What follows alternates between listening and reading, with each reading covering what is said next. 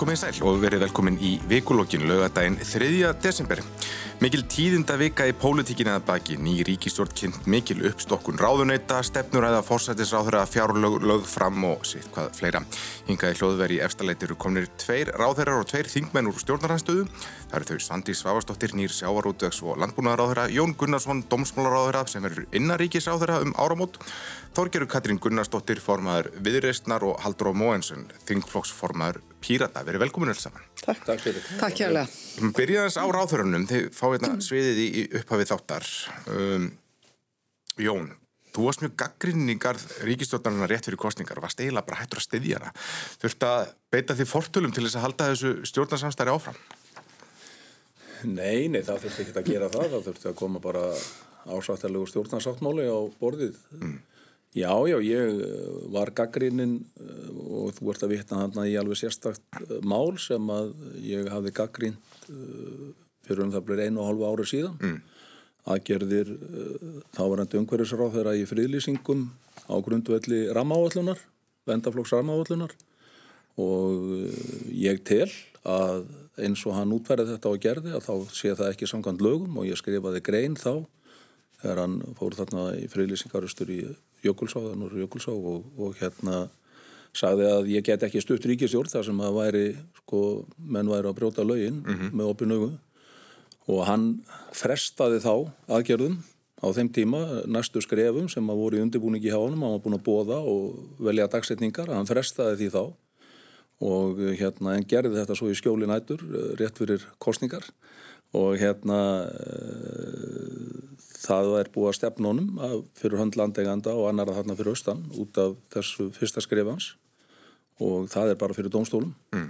þannig að þetta var nú þessi gaggrinni sem þetta vikni Já, já kom, kom stólandi í virkjaramáli setna í þettinum en, en sem domsmálaráðara hvað verður og innaríkismálaráðara hvað verður á ottunum hjá þeirri?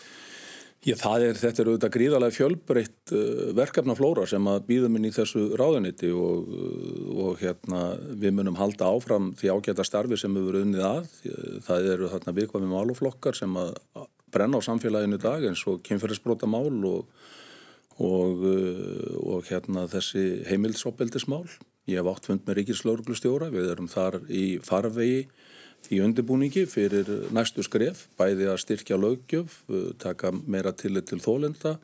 Ríkislauglustjóri er að vinna að stefnumótun meðal annars í þessum málum. Það er gildi kynferðisbrota aðbrota áætlun uh -huh. til ásins 2022. Við höfum þegar hafið undirbúning af endur nýjun hennar og ég mun kalla til þess við okkur þar fólk utanfrá til þess að leggja okkur liði þeirri vinnu. Óbeldismálgag var börnum Við erum auðvitað með mál sem að brennur á okkur núna, þetta vistemilismál norður í Eyjafyrði og þar mun ég kynna á mánudaginn starfsóp. Mér fannst vera hérna bagalegt hvað þetta var í einhvers konar pingpongi á milli fórsættisráðanitis og dómsbólaráðanitis. Mm.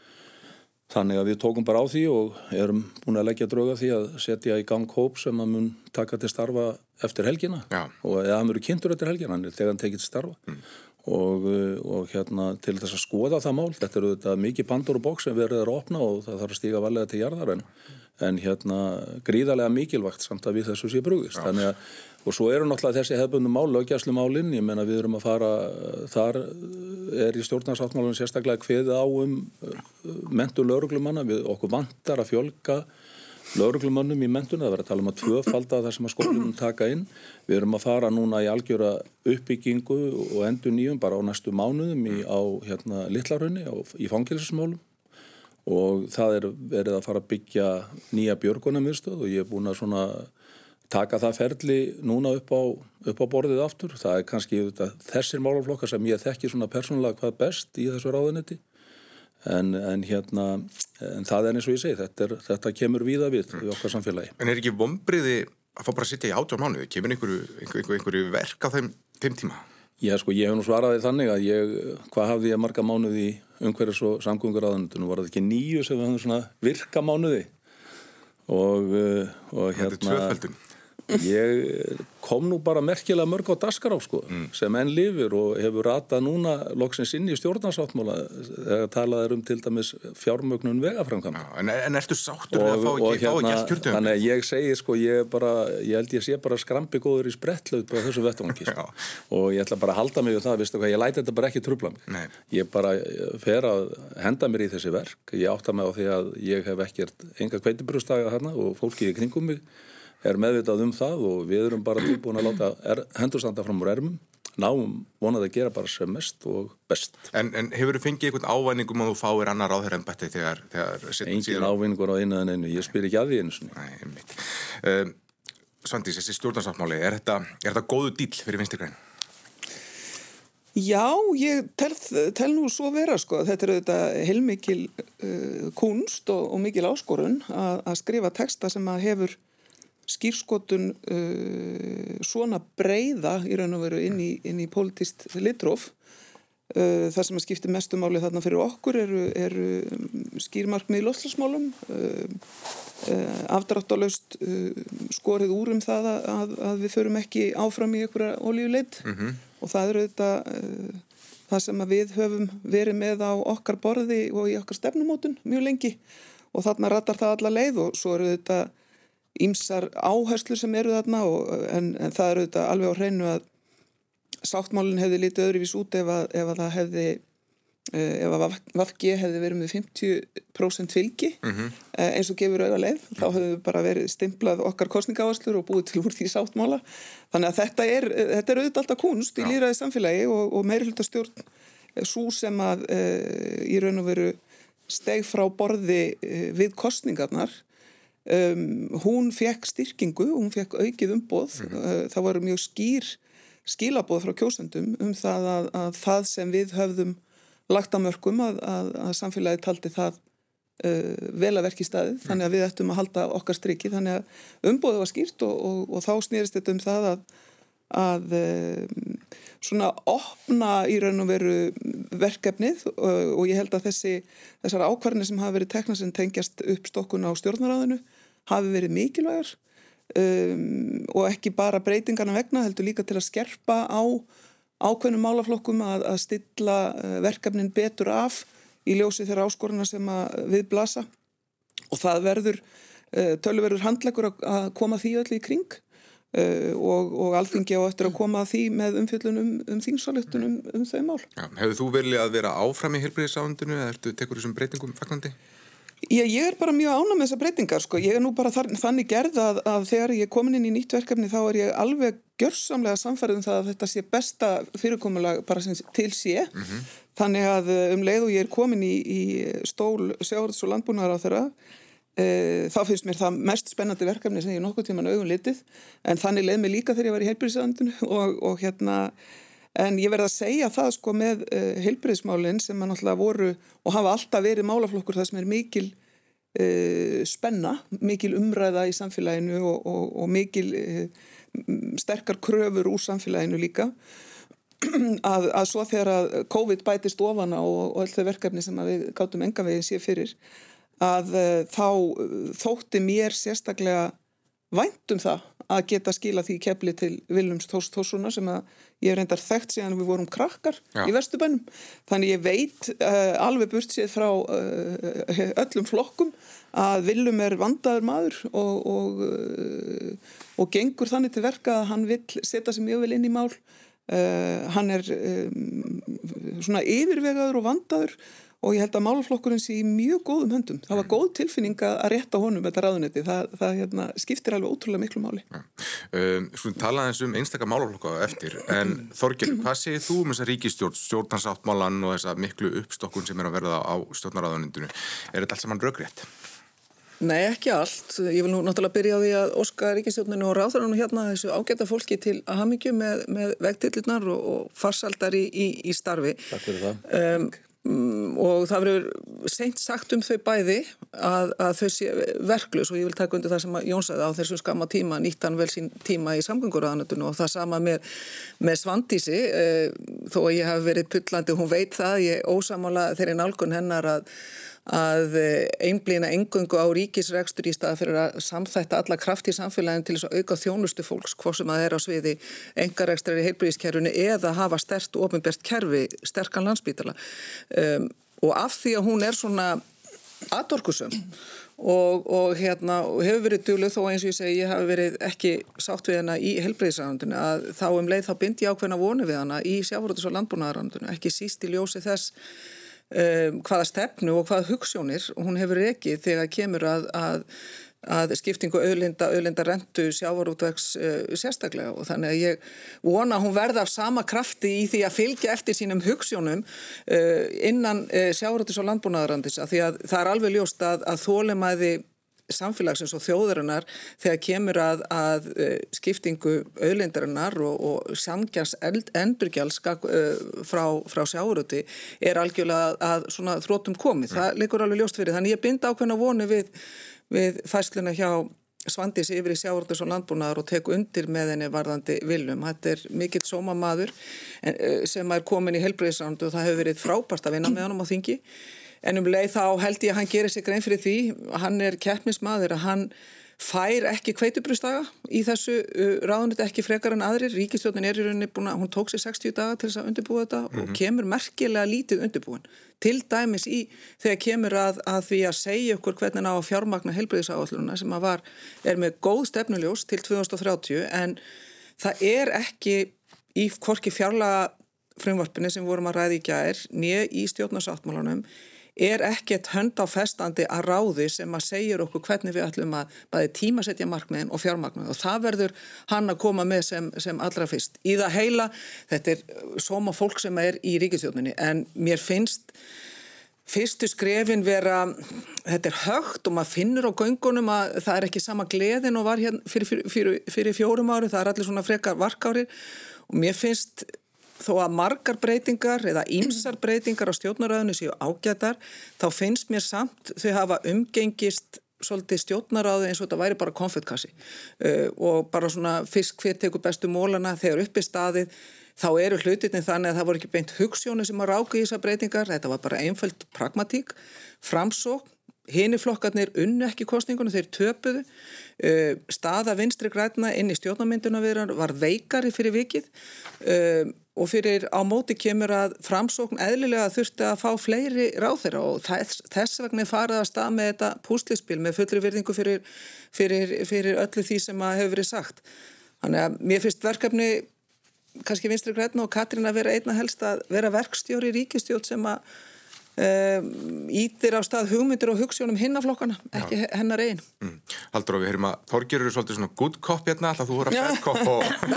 Það er þetta góðlega Hvað segir þú um það? Bad cop hefur aldrei verið hlutverk sem, að, sem að ég tekið mikið að mér sko. ég... ég er líka svo mild En hérna ég tek bara undir með Þorgir Katrin í mörgum, ég þykir hérna þú veist, ekkert útiloka þessi uppstokkun í ráðunitunum gæti verið góð mm. en það bara er ekkert augljóst akkurat núna og mm, það sem ég hef áhugir af er að, þetta hafi ekki verið nægilega vel undirbúið mm. og það hefur eiginlega bara komið um, bara í ljós, svona áslögarna sagði þetta strax sjálf þegar hún tók við liklunum, hún sagði bara að stjórnkerfi fekk mjög stuttan aðlöðana tíma og, og sagði, sagði að þau myndi taka sér næstu vikur sérstaklega fyrir hennar ráðunetti að fínpúsa hvað á heima þar mm. og þá veldur maður fyrir sig hvernig verður að taka þessar ákvarðanir, þú veist, ég ringt í í einhverju sérfræðinga eða ringt í vinn, þú kannski veist það Sandís, ég veit það ekki en hérna var eitthvað svona undirbúningur sem átti sér stað, var eitthvað faglegt mat sem átti sér stað um hvernig væri best að skipta þessu upp mm. og, og hérna og undirbúið og því ég get ímynda mér þetta sé gríðarlega flókið fyrir hérna fyrir bara starfsfólkið og kerfið að, að, að fara í þessar breytingar og mun taka verið alltaf tíma að aðlægast en, en hérna svo er svona samsetning ráðunitana einhverju leiti vekru spurningar eins og að blanda saman háskólum og yðnaði og menning og viðskiptum og skipta mentin upp í nokkur ráðuniti er þetta alltaf fyrðilega nálgun og sérstaklega teka undir þessi sjónamið með fyrst mikilvægi þess að mentun sé ekki og menning sé ekki beint hengt vinnumarkaðinum og viðskiptum, þú veist, mm. þetta á að vera aðri kvatar sem að sem er að baki mentakerfisins þetta á ekkit endilega að vera bara til þess fallið að móta fólk fyrir einhvern vinnumarkað heldur að, einhvern veginn að aðstofa fólk að finna sinn tilgang og, og, og, og hérna hvað kveikir í þeim. Mm. Þannig að þetta snýst um þekkingu, alveg óháð því hvað fólk tekur sér fyrir hendur eftir að það uh, útskrifast. Já. Ég er algjörlega, fyrir ekki. Já, en, en hérna annars þá, sko, ég get alveg verið bjart sín á þetta allt saman, mér þykir bara fyrðilegt og, og ég öfenda þig núna að vera í spyrilsætinu og ég var alveg til ég að spyrja nokkra spurningar ég, ég, bara...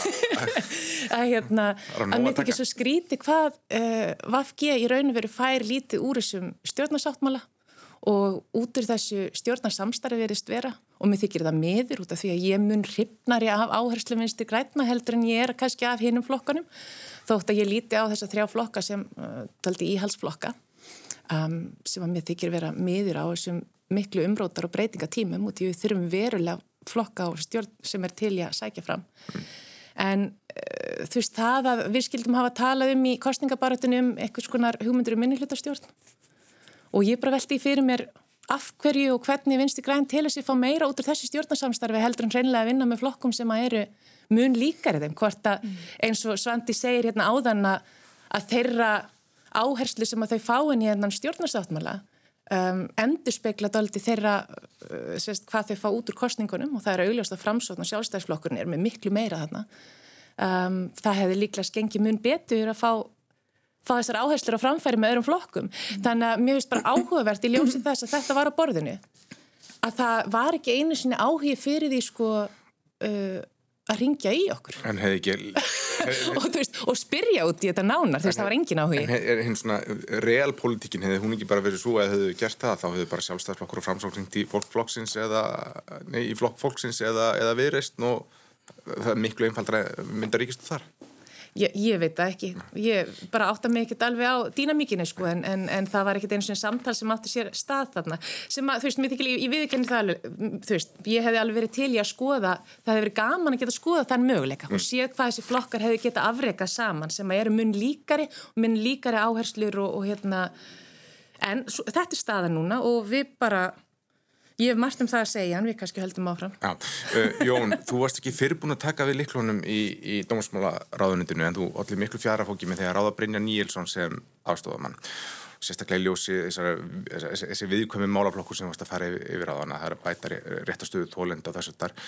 Um, Brynjar er mjög umdeldur á þeim vettvangi, hefur leiði undir ámæli fyrir að gera lítur sem brotum og verið mjög augrandi og herskár svona í garð þeirra sem hafa aktivista á þeim, þeim vettvangi. Hvers vegna valdur hann? Fyrst og fremst bara vegna yfirbara þekkingar og reynslu á mörgum málasöngum sem er í þessu ráðunetti. Brynjar er hæstarétta lagmaður með ára tuga reynslu, alveg eins og Hreit Loftsson sem að var tilbúin að fylgja mér áfram í ráðunetun sem var gríðarlega mikill ávinningur fyrir mig bæði reynsla og þekking hans og þetta hann búin að vera núna síðust ári í ráðunetunu og hérna það eru þetta grundvaldaratriði og gríðarlega mikilvægt í svona samstarfi að uh, það er ekki mikil tröst á milli, milli aðstofamanna og ráðherra. Og það er fyrir hendi nú þegar það er ekki að kynast þessum munnum sérstaklega til þess að, að að láta reyna á það, bara, það, er, það er til staðar og eins og nefndir á þenn að það er stuttan tíma og, En hefði ekki þurft eitthvað sem ríki meiri sáttum út á við? Við vistu hvað, ég veldi þessu bara ekki tvirr mér, þetta er bara ákvörðun tekin á faglugunótum og ég hef engar ávíkjör af þessu, þessari umræðu, hún bara trubla mig ekkert. Þannig að þú skellir skollaðir við gaggrinni? Já, ég vistu hvað, mér finnst margt af því sem þar hefur komið fram er náttúrulega bara alls ekki svara verðt mm. sko. og mjög ómálöfnulegt og hérna og, og engin innistæða fyrir. Og ég skelli skolla erum við slíku já. Og ég læt þetta ekkert trubla mig. Við skulum bara láta verkinn tala. Mm. en skeitt sem er longar að grýpa hérna sem kom fram hér áðan sko varðandi þessa íhalsflokka og sem að, sem að hérna þá í samkvæmt orðana hljóðan fela það í sér að vera flokkar sem er ekki tilbúinir í neina breytingar. Vil ég halda áfram í sama farinu er það ekki? Svona það sem að íhalsflokkarnir snúast um en á sama tíma Sýnasta kjörtíma bil hefur sínt okkur já, það allavega hver veit hvað gerist en, en á, á sama tíma er það gaggrinn okkur fyrir það einmitt að sína mikið frumkvæði breytinga stokk upp í stjórnaráðinu búa til dýnamík og alltaf vinna vel næstu fjögur ár sko. mm. og það eru þá opnu frjálsindflokkarnir hérna sem skilgar hann sér svo við þetta borð sem er að gaggrína okkur íhalsflokkarna sem að vilja enga breytingar í þess átt sko. þannig að ég ber bara mikla væntingar til þess að ríkisvöldarsamstafs. Þetta er eins og Svandis kom inn á áðan. Þetta eru auðvitað ólíki flokkar í grunninn.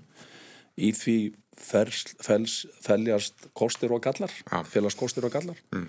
Uh, og hérna uh, óumdeilt að þessi flokkar fengu um og þjóðarinnar mjög skýrt í síðustu kostningum til að starfa saman áfram og, og hérna ég ber mikla vendinga til þess og við byrjum, ég finnst þetta að byrja á að fórustu fólki flokkana finnst mér að byrja á þessi fyrstu skref sína það að þessi flokkar ætla sér að fara inn í nýja tíma á þessu kjörtíðanbili með nýjar áherslur og, og hérna aukna dýnamík mm. í stjórnsýslunni. Haldur að það var engin ja, harðorður uh, af þingbönum um þessa ráðningu Brynjas Níelssonar og flokksfélagi þinn Andris Ingi Jónsson. Mm -hmm. Tekur undir þá gaggrinni?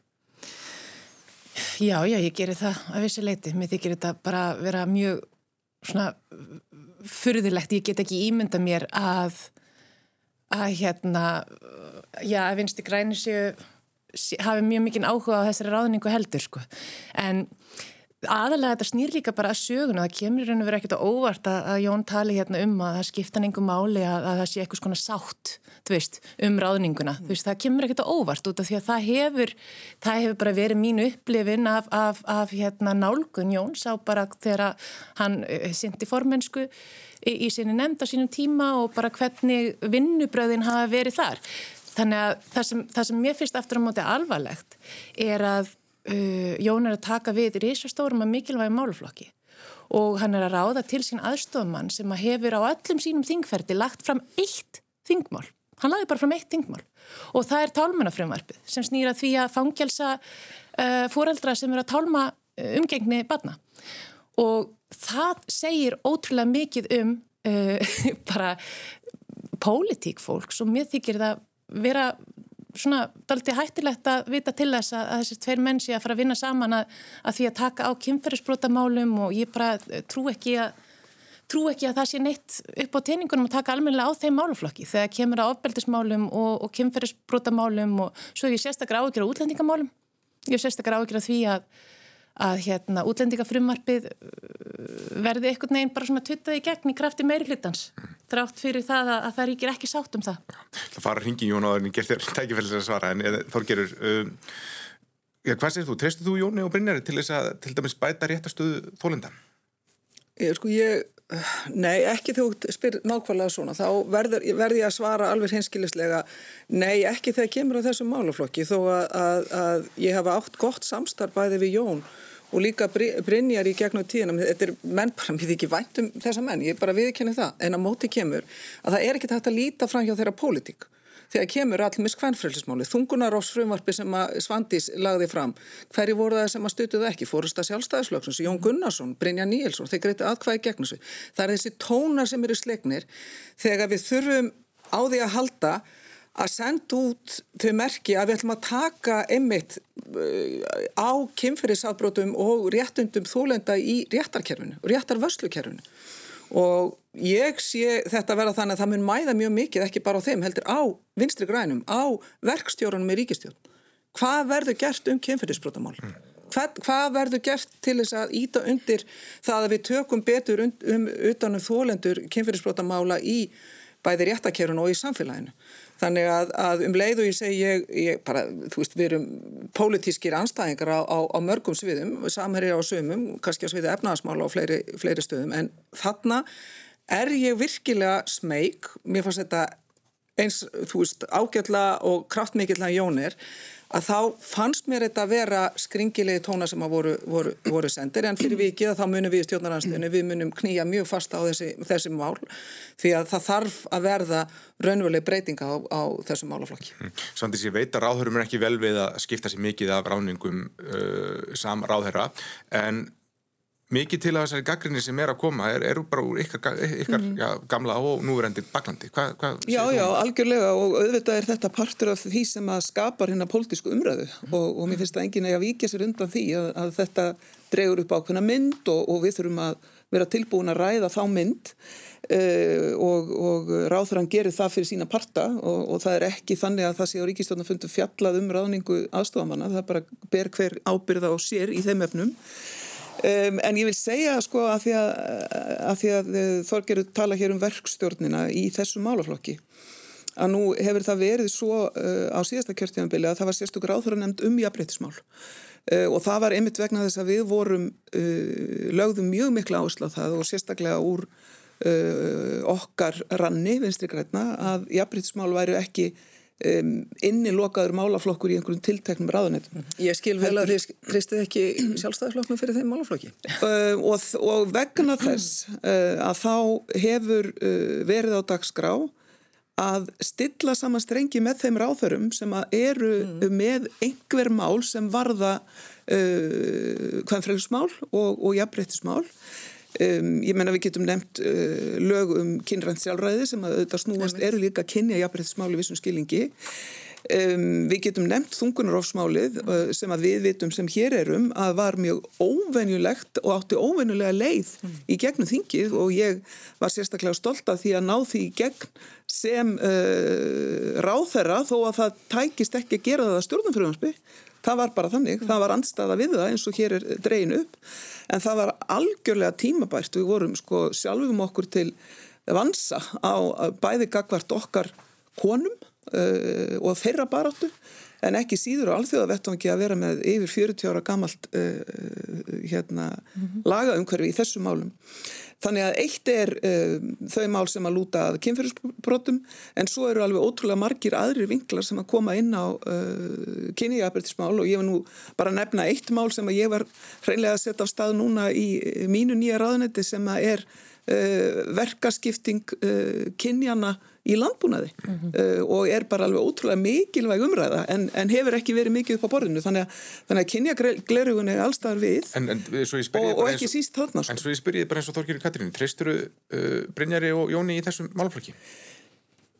Ég hefði náttúrulega bara helst treyst sjálfur mér í þessum málflokki mm. og, og hérna og vil eins og ég sagði sko helst hafa haft bara vafki í öllum þessum sætum sko. um, en hins vegar þá er stjórnarsáttmálinn skýr, það er ákveðin verkefni sem að á að fara í uh, og verður fyllt eftir að verði farið í og, og þar ber hæst að mínumati að styrkja í lagauðumhverjunu réttastuðu brótaþóla, mm. kynferðismála mm. kynferðisbrótamála og, og ég gerir ráð fyrir því að okkar góði verstjóri haldi okkur öllum við efnið í því að tikka í bóksin eh, með það að klára það sem okkur er sett fyrir mm. í stjórnarsáttmála. Mm. Þetta verður ekki svona eins og miðhálandis þjóðgarður. Jón, svo ég gefið nú tekið fyrir þess að... Já, það er mikil spunni í gangi maður. Það er, hérna, ég sjálfur sér ekkert, maður er ekki dóvanur því í politík og e, e, það er að þá bara tækja færi til að koma meira óvart, við skulum orða það þannig. E, ég fór hér yfir það áðan í upphafi Eh, hvaða mál ég er að fara að leggja mikla áherslu á. Ég taldi upp ymmið þessa viðkomið málaflokka alveg sérstaklega.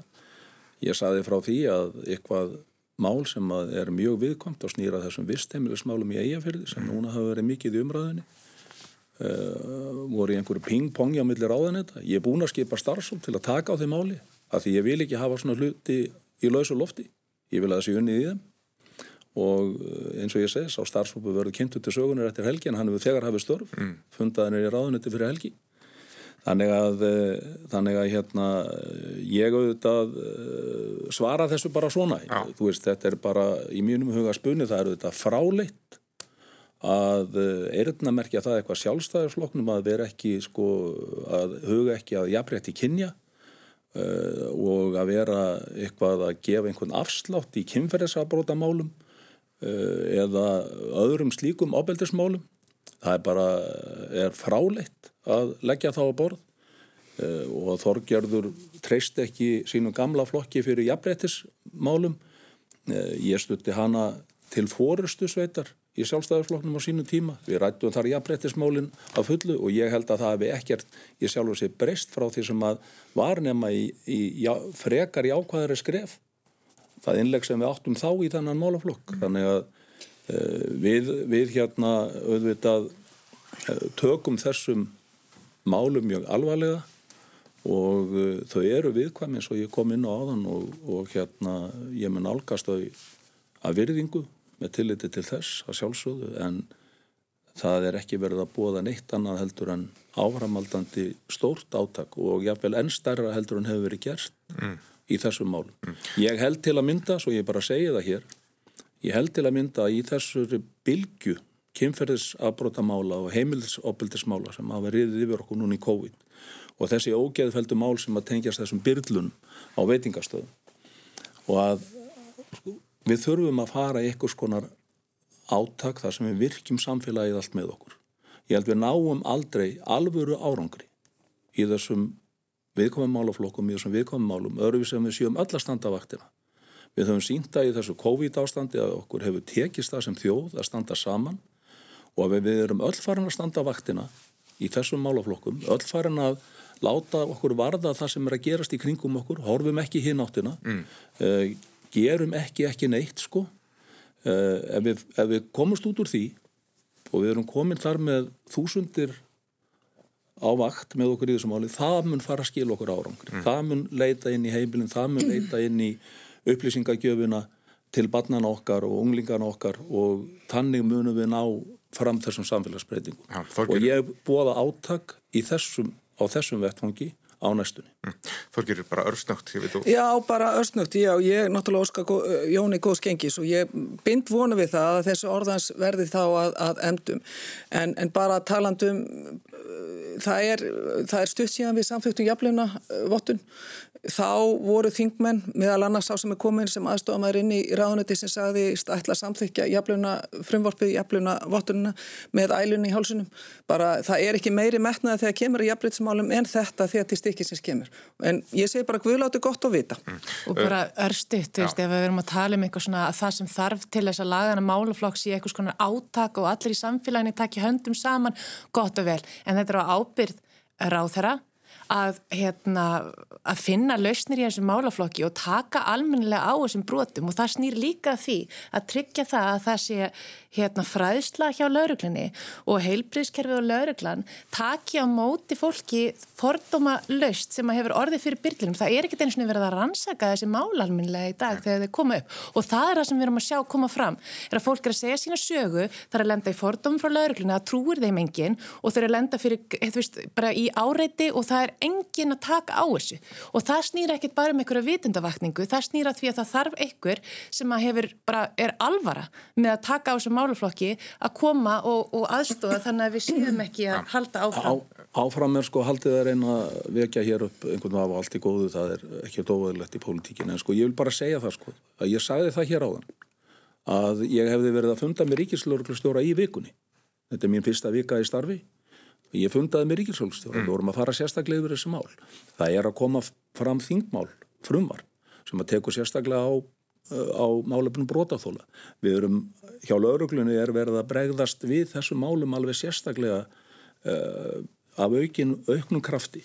Til að mynda bara eitt dæmi, það er verið að setja upp síndar réttarsal til þess að þetta fólk sem er í þessari viðkomu stöðu geti svona fengið ákveðina æfing og þjálfun í því að þurfa að koma inn í réttarsal. Mm. bara svona dæmun lítið skrif sem getur hjálpað mörg Þa, það eru, Þannig að sko það, það þetta, er, þetta er svona. Þetta er bara kvartningjó En það er stór málið en, ég má til með að segja líka sko að, að nákvæmlega þessi málaflokkur eins og, eins og Haldur er að nefna hann tengist uh, svo mörgum sviðum samfélagsins og, og ég er hjartanlega samála því að þetta verður að vera viðvarandi og hluti af þeim, þeim viðbröðum sem við sínum í öllu kerfin okkar mm. uh, og meðal annars uh, setti ég í gang verkefni á mínum lokamissurum í heilbríðsæðandinu sem snýrist um það að stilla saman viðbröð heilbríðskerfisins gagvart fórnalömpum heimilisopaldis að það væri ekki uh, undir hælinlagt hvernig væri tekið á móti fórnalömpum eða, eða þólendum í þessum málaflokki og það væri upp á það komið hvaða persóna eða hvaða einstaklingu tæki við viðkomandi að þér varðar þá skráningu, utanumhald og, og svo framvegis. Og þetta tókst að klára þetta að því þetta er bara, þetta er verkefni. Þetta er ekki stefnumótun, þetta er ekki þið veitir, við þurfum enga, engar möppur upp í hillum um þetta, þetta er bara það að þau sem að eru í framlínunni kunni verklægið, mm -hmm. skilið í rétt þannig að uh, þólendur og, og brotaþólar á þessum viðkvæmu sviðum geti treyst í að það sé uh, standa ekki og falli með því hver er á vakt mm -hmm. hvernig þjónustu við komandi fær. Það er ekki nema 20% samkvæmt skoðan okkur sem lögurglænuður frangvænt ítrekka þá er sannlega ekki nema 20% af þessum brotum kærið. Mm. Það er augljóst að með auknu trösti þá mun kærum fjölga og það eru þetta markmið okkar að ná utanum þetta, uppræta þetta.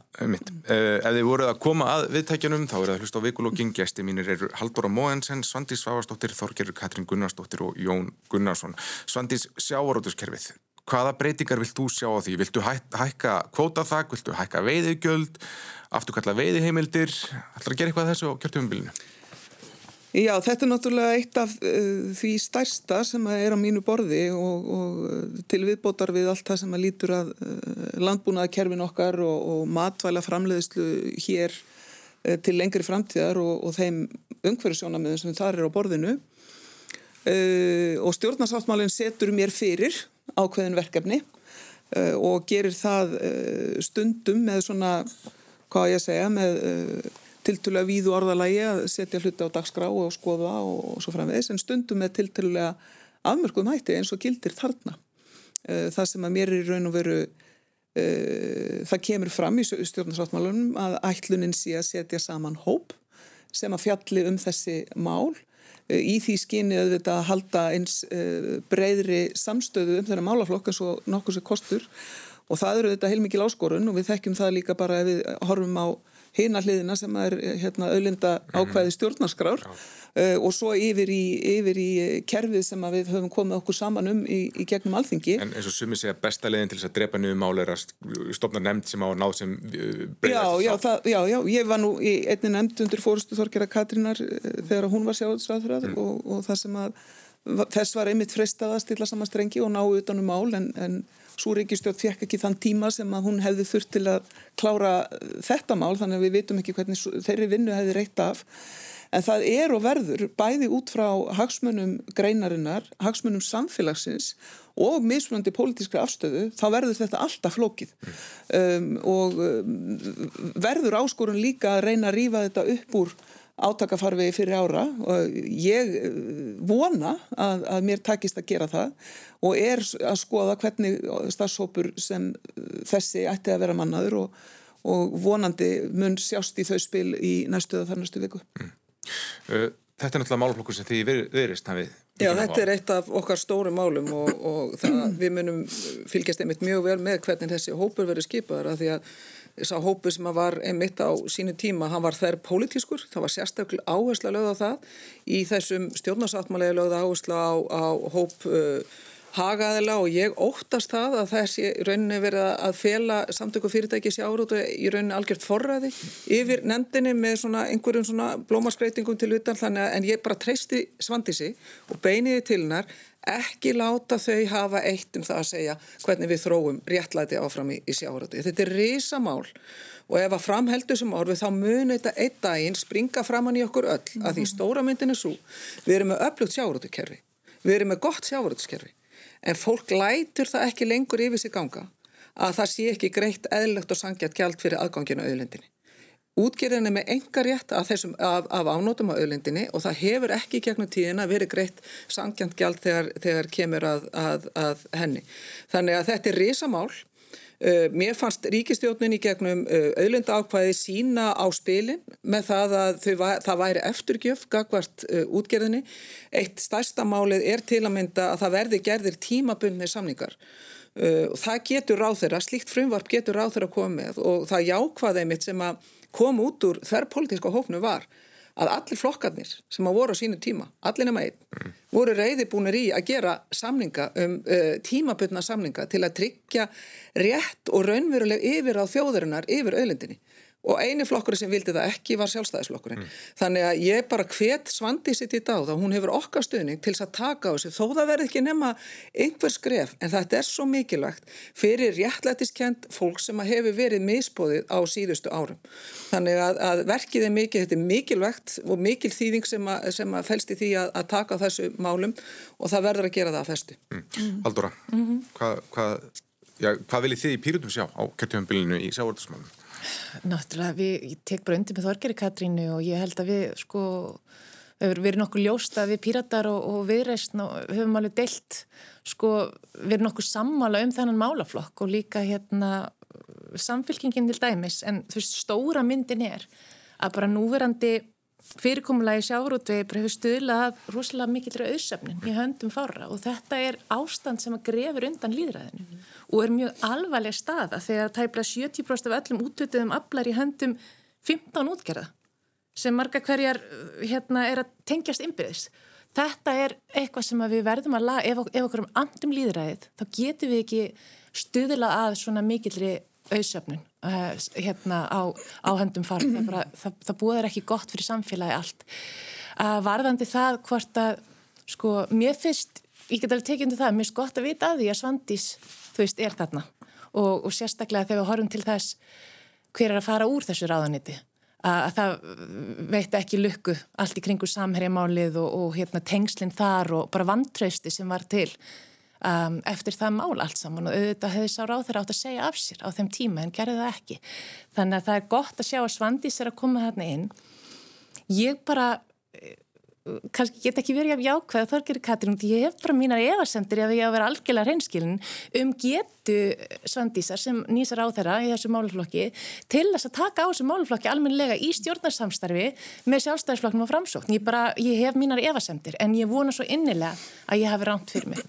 En annar máluflokkur sem og ég verði að fá að, að hérna, bæta því við út af því að eins og sjáurútverðin er mikilvægur, þá er annar máluflokkur sem og það er yðnarhampurinn sem er nú komin inn í ráðunett Svandísar. Hún færir hann sem heilbreyðsráðara inn í landbúnaðaráðunetti og tekur nú við því ráðunetti og það er, uh, já, yðnaður sem að geti verið gríðarlega spennandi, bara varandi nýsköpun og annað inn í framtíðina. Þannig að CBD-málinn og allt það. Þannig að ég hvet hana bara til dáða í þeim málaflokki eins og sjáurútveginu.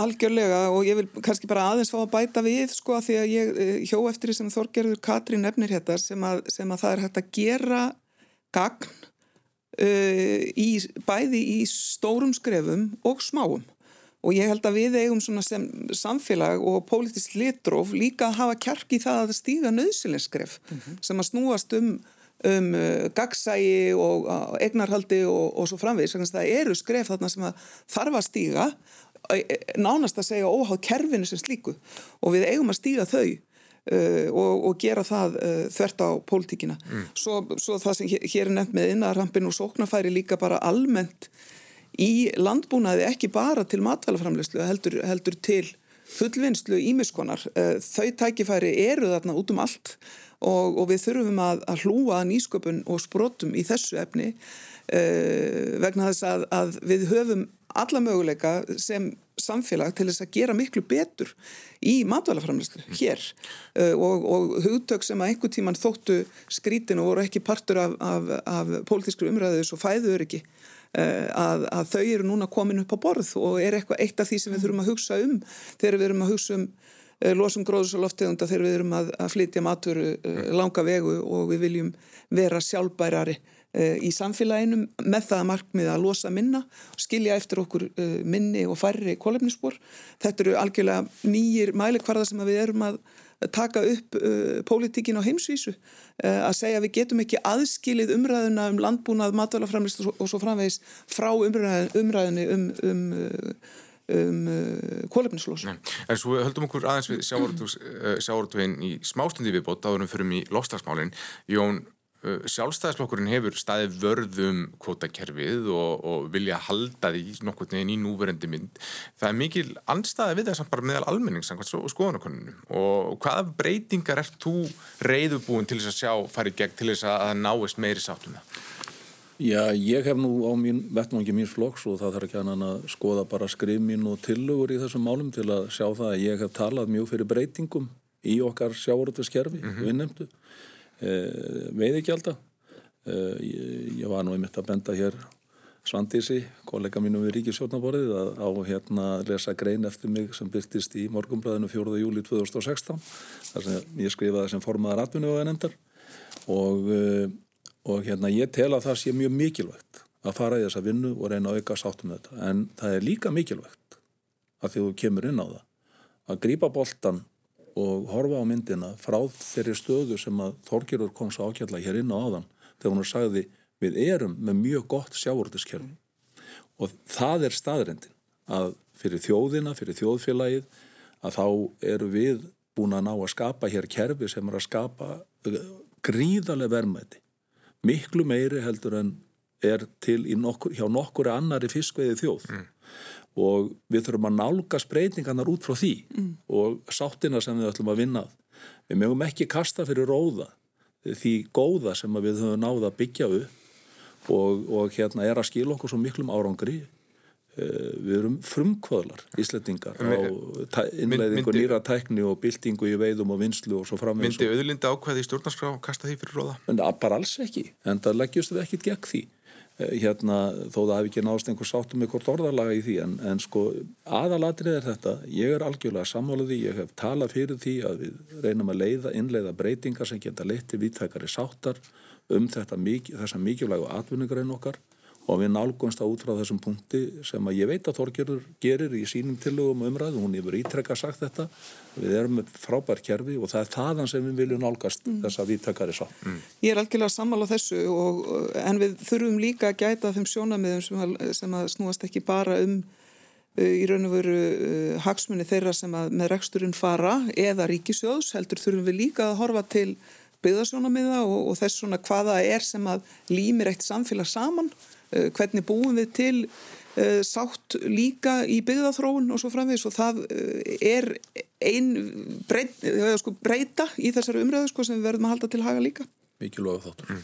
Uh, mér langar að fara aðeins yfir í lofslagsmálum, fyrstu vorum komin á þá, þá er slóðir eins og þú nefndi fyrir þættinu sendis, þá er, kemur fram í, í stjórnarsáttmálunum að það er ekki að gefa út leifi til oljuleitar en hins vegar, já þá spyr maður hvort að má ekki gera ráðferðir að, að virkjanakostum verið fjölga á kjörtíðanbílinu með við orðalag í, í stjórnarsáttmálunum? Já, það hefur nú ekki tekist að ágreða rammaáallun síðan 2013 eh, mm. frá þinginu og, og við erum nú átta árum síðar með e, í raun og veru þá stöðu að, að við erum eh, með niðurstöður um, faghópa og, og verkefnistjórnar sem að hefur skila ráð þeirra e, í þrýgang, ef ég kann þetta rétt sem að þingið hefur síðan ekki eh, klárað. Mm. um, og, það, og það sem að segir þarna í stjórnarsáttmála er e, þar er lögð á það áhersla að fjölga kostum í byggflokki ég held að það sé skinsamlegt um, vegna þess að við þurfum líka að ná til lengri framtíðar að stilla okkur af um það hver í raun og veru orgu þörfin er í okkar samfélagi. Og ein, ein, af, ein af þeim þáttur þar sem við þurfum að horfa til eru þetta orguskipti, hvað er það mikið mm. uh, nákvæmlega sem að fer í það. Hvað, hvað sjáum við fyrir okkur af orgu inn í uh, breytt atunlíf og hvað sjáum við fyrir okkur af orgu í, í byggðir landsins? Um, og þetta er reiknistæmið. Uh, það er ekki þannig að við eigum að virkja óhegað allt sem virkjanlegt er. Það er í raun og veru svo umræða til hér öðrum tíma og er í raun og veru tímaskekki að mínum mati. Um, náttúruvend er ekki bara huguleg fyrir einhverja servitringa heldur er hún beinlinis lífsnöðsynleg eh, fyrir vistkerfi jarðar og, og okkar skuldbendingar þar því að eh, maðurinn eh, er hluti af vistkerfi jarðar við lifum ekki án vistkerfisins en vistkerfið kemst ágætlega af án okkar og, og þarna í raun og veru snýr reiknistæmið þannig að ég, ég legg áherslu á það að, að orkuskiptin fari fram líka í sátt við náttúruvend og á þeim grunni og í því jafnvægi sem að lagt er upp með í, í rammaállinu og þeirri hugmyndafræði sem að það er lög til grundvallar. Mm. Það er að segja jafnvægi milli vendar og nýtingar. Mm, smá, smá útrúdur uh, ánum komum aftur svona á, á aðalbreytina en Katrín Jakobsdóttir segði í Kastljósi vikunni þá, þá laði hann áherslu á það að þitt ráðuneyti að það skiptir miklu máli mm. í lostasmálunum, svo orku skiptin í sjáurútegi og þess og þar, en eins og í landbúnaði það sem hefur á heimsísu, það hefur verið talað um hlut sko kjöldframlegslu í, í losun um, Sér þú fram á, vilt þú stuðla því að draga úr kjöldframlegslu í þín ráðundi? Sko ég held að það sé alveg ofsalega mikil sóknarfæri á Íslandi að í, í prótínframlegslu af fjölbreyttari hætti heldur en, heldur en í kjöti mm. Uh, og hvort sem að það er í, í aukinni áherslu á kortrækt eða, eða aðra þætti, ég held að við hefum fullt af tækifærum þar. Kjötrækt. Ha, Já, kjötrækt, já. Ég, ég, ég myndi allt í einu aftan úr fortíðinu að, að hafa orðið hissa þegar Björn Levi nefndi þetta við mig líka. Um, en uh, og við eigum alveg rosalega sóknarfæl líka í, í grænmyndisframleyslu um, þar sem við gætum í raun og veru sko markvald að okkar ræktun hér innanlands En svo er að koma til mín tvær stofnanir aðrar sem eru landgræslan og skórættin mm. sem að ég þekki frá mínum fyrirstörfum í umhverfisræðandinu og þar eru líka uh, mikil tækifæri í, í því að dragu losun, uh, hvort sem er með skórækt eða með, með því að uh, endurheimta votlendi eða, eða auka landgræslu. Mm. En allt þarf þetta líka að vera í sátt og í, í samhengi við umhverfis og náttúruvend, samfélagið Uh, og síðan uh, byggði landinu og, og atvinnulífið. Mm. Haldur, hvernig líst þér á, á já, lofslagsmarkmið og umhverfismarkmið þessari ríkistöðnar?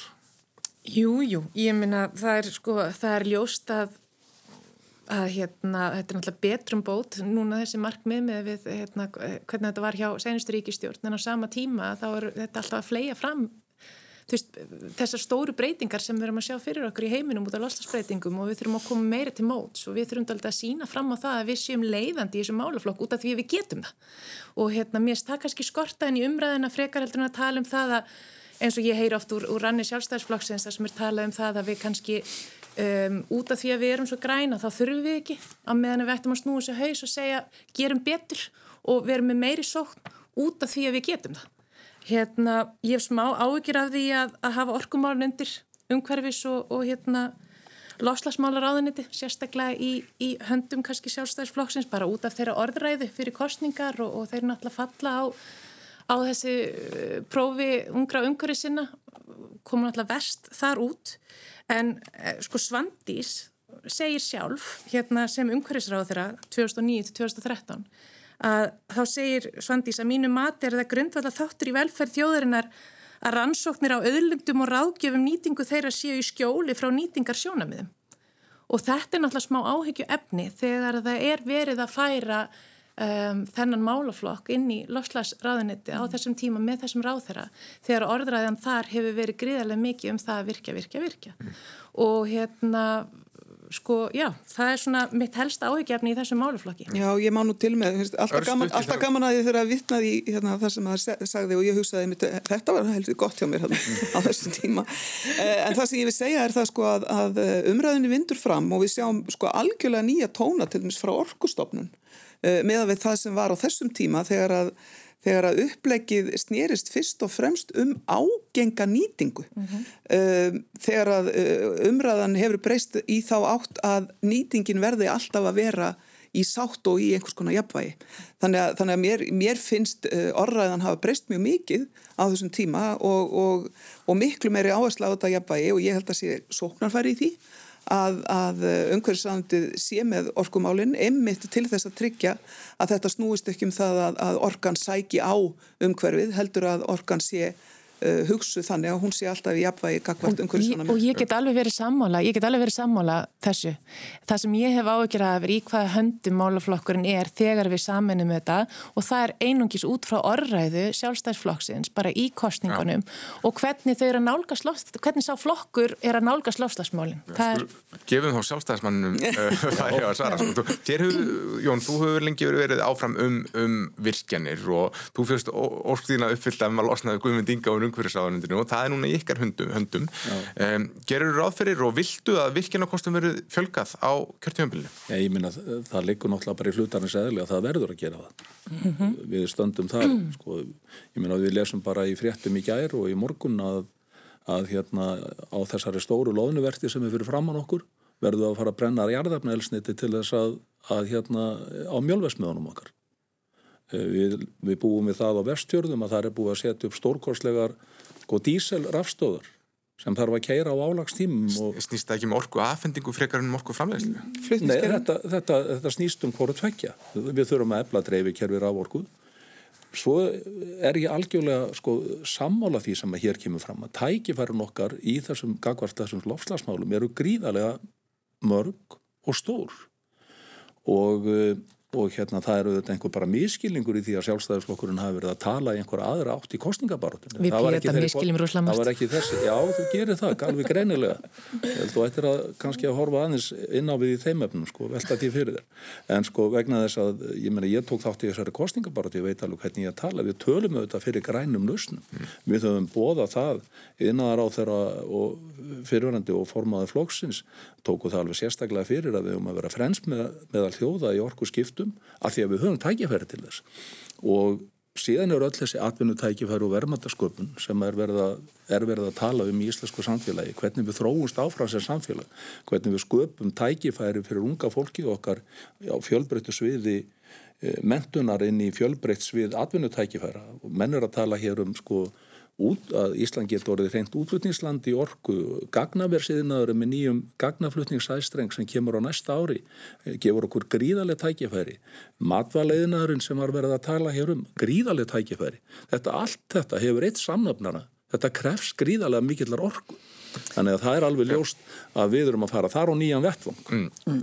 Þorgir Petri, þú farið að eiga að loka orðin og tíminn er að hlaupa frá okkur. Já, það er rétt, við þurfum að fanga tækifæruna, þess vegna er alveg ótrúlegt að ríkisjöndaflokkarnir hafa nota 60 daga og út kemur í einu mikilvægsta málaflokki framtíðrana, loðumullulegu texti og bara það að hlusta hér á ráþurana, þau get ekki svarað í nákvæmlega hvaða ramma áallinu fylgur í sig, hver framtíðastefin eru. Mm -hmm. Það er bara loðumulla í þessu. Annað dæmi er, mér finnst náttúrulega reyndar sorglegt að sjá til dæmis stjórnarsáttmálan, það er ekki hringrasarhagkerfi. Samt eru vinstri græna að skora hæst eða með okkur pýrutum, hér eru þrýr flokkar sem skora hæst og eitt sem er, er, er fallisti.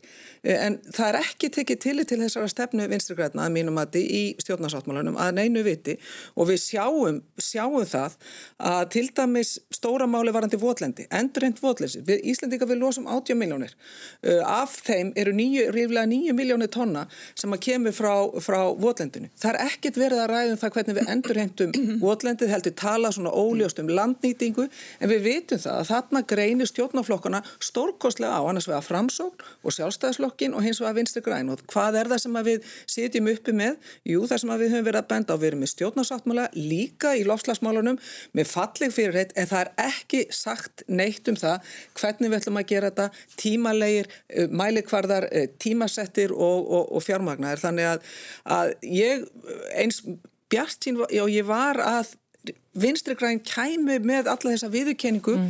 frá sólamælikvarðanum inn í stjórnarsáttmálan ég sé þess ekki merki að, að þau hafi einfallega kraftin í það að fylgja eftir annars ágætu markmæðin mm -hmm. þannig að, að hérna, þessi þáttur hér, hann svolítið undistrykað það en, en þetta er bara stóra verkefni framtíðarannar og okkar núna sem er að þingja að halda ríkistjórninni við efni þegar kemur að, að þessu. Svo verð ég að segja við hefum nóg orku. Við þurfum bara að lasna um okkur alveg En ég held að við verðum að fá uh, ráðrúm til þess að láta verkinn tala og, og ég vil fullvisa meina góðu samstagsmenn á alþingi um það að það munu líta dagsins ljós uh, áallanir tímasettar og fjármagnar í þessum hefnum. Ja, það verður þá loka orðin hér í dag. Takk hjá fyrir komuna Svandís Árstóttir, Haldur á Móðensen, Jón Gunnarsson og Þorgjörður Katrín Gunnarsdóttir.